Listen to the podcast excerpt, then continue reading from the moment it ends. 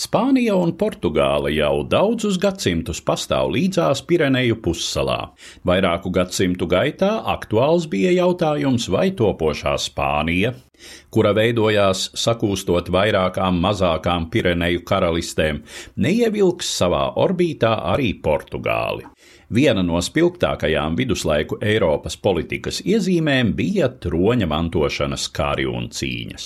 Starp kaimiņu valstu karaļnamiem regulāri tika slēgtas dinastiskas laulības, kas no vienas puses mazināja konfliktu briesmas, no otras tās palielināja, ja monarhs mira, neatstājis drošu troņmantnieku un cīņā par troni iesaistījās aizrobežu kronētie radinieki. Un vēl jau šai procesā piedalījās arī valdnieku ārlaulības bērni, jeb bastardi.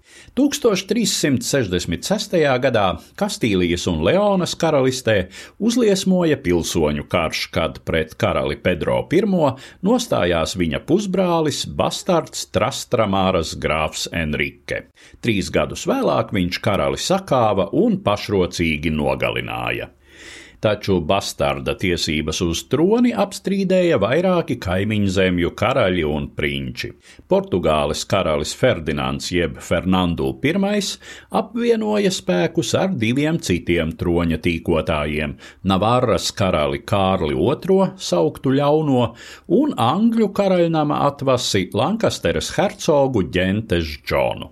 Tomēr karalis Enrique izrādījās nevien prasmīgs karavadonis, bet arī politiķis, panākot pāvesta Gregora 11. atbalstu. Pēc pāvesta prasības Portugāles Fernandu bija spiests slēgt mieru ar Kastīlieti, pie tam saderinoties ar viņa meitu. Taču Fernandu, kurš savas dzīves laikā ieguva divus pavārdus - skaistais un svaidīgais, drīz atsauca svarīgo politisko sadarināšanos un apņēma par sievu savu mīļāko portugāļu aristokrātu dzimtas atvasi Leonoru. Tas atkal sāsināja attiecības ar Kastīlijas Enriki, kurš ātri sakāva Fernandu sabiedroto Navarras karali, iebruka Portugālē un aplenca Lisabonu. Fernandu skaistajam nācās slēgt pazemojošu mieru un vēlāk, lai stabilizētu attiecības ar kaimiņu valsti, atdot savu vienīgo meitu Beatrisi par sievu jaunajam Kastīlijas un Leonas karalim Enriques dēlam Juanam I. Šo dinastisko laulību līgums paredzēja arī savstarpējas kaimiņu valstu troņa mantošanas tiesības, un tas šajā gadījumā izrādījās par sliktu portugāļiem, kad Fernandu 1383. gadā mira iespējams tika noindēts un neatstāja citus oficiālus mantiniekus, izņemot Beatrisi. Tas nozīmēja, ka faktiski Portugāles troni mantos Kastīlijas un Leonas karalis Juans, un abas valstis visdrīzāk tiks apvienotas. Tas nebija paprātam lielākajai daļai portugāļu, un te nu vēstures skatuvē uznāca vēl viens bastards - Fernandu pusbrālis Žuans, abu kopīgā tēva karaļa Pedro I un galisiešu muiznieces Terēzijas Lorenco atvase. Tēvs Žuānu bija padarījis par ietekmīgā avisas bruņinieku ordeņa lielmestru. Žuāna pusē nostājās vairums portugāļu augstmaņu un arī pilsētas, un 1385. gada 6. aprīlī viņš tika kronēts par Portugāles karali, aizsākot Avisas dinastiju.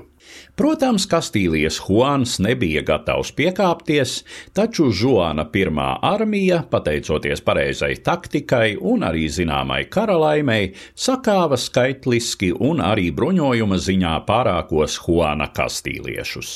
Žuans I valdīja Portugālē veselus 48 gadus, iegūdams pavārdus dižais un ar labu pieminētais. Laika biedri viņu raksturo kā stingru varas grožu turētāju, bet arī labdabīgu un ļoti gudru un izglītotu cilvēku. Tieši viņa laiks lika pamatus Portugāles kā pirmās lielās Eiropiešu jūras braucēju nācijas panākumiem, nostiprinoties Āfrikas piekrastē un 15. gadsimtā sākot kuģojumus pasaules okeānos. Protams, netīkams karalis Žuans bija un palika kastīliešiem, un Spānijā viņu, kā viņa dzīves laikā tā vēlākajos gadsimtos, dēvēja tikai par Juanu Bastardu. Stāstīja Eduards Liniņš.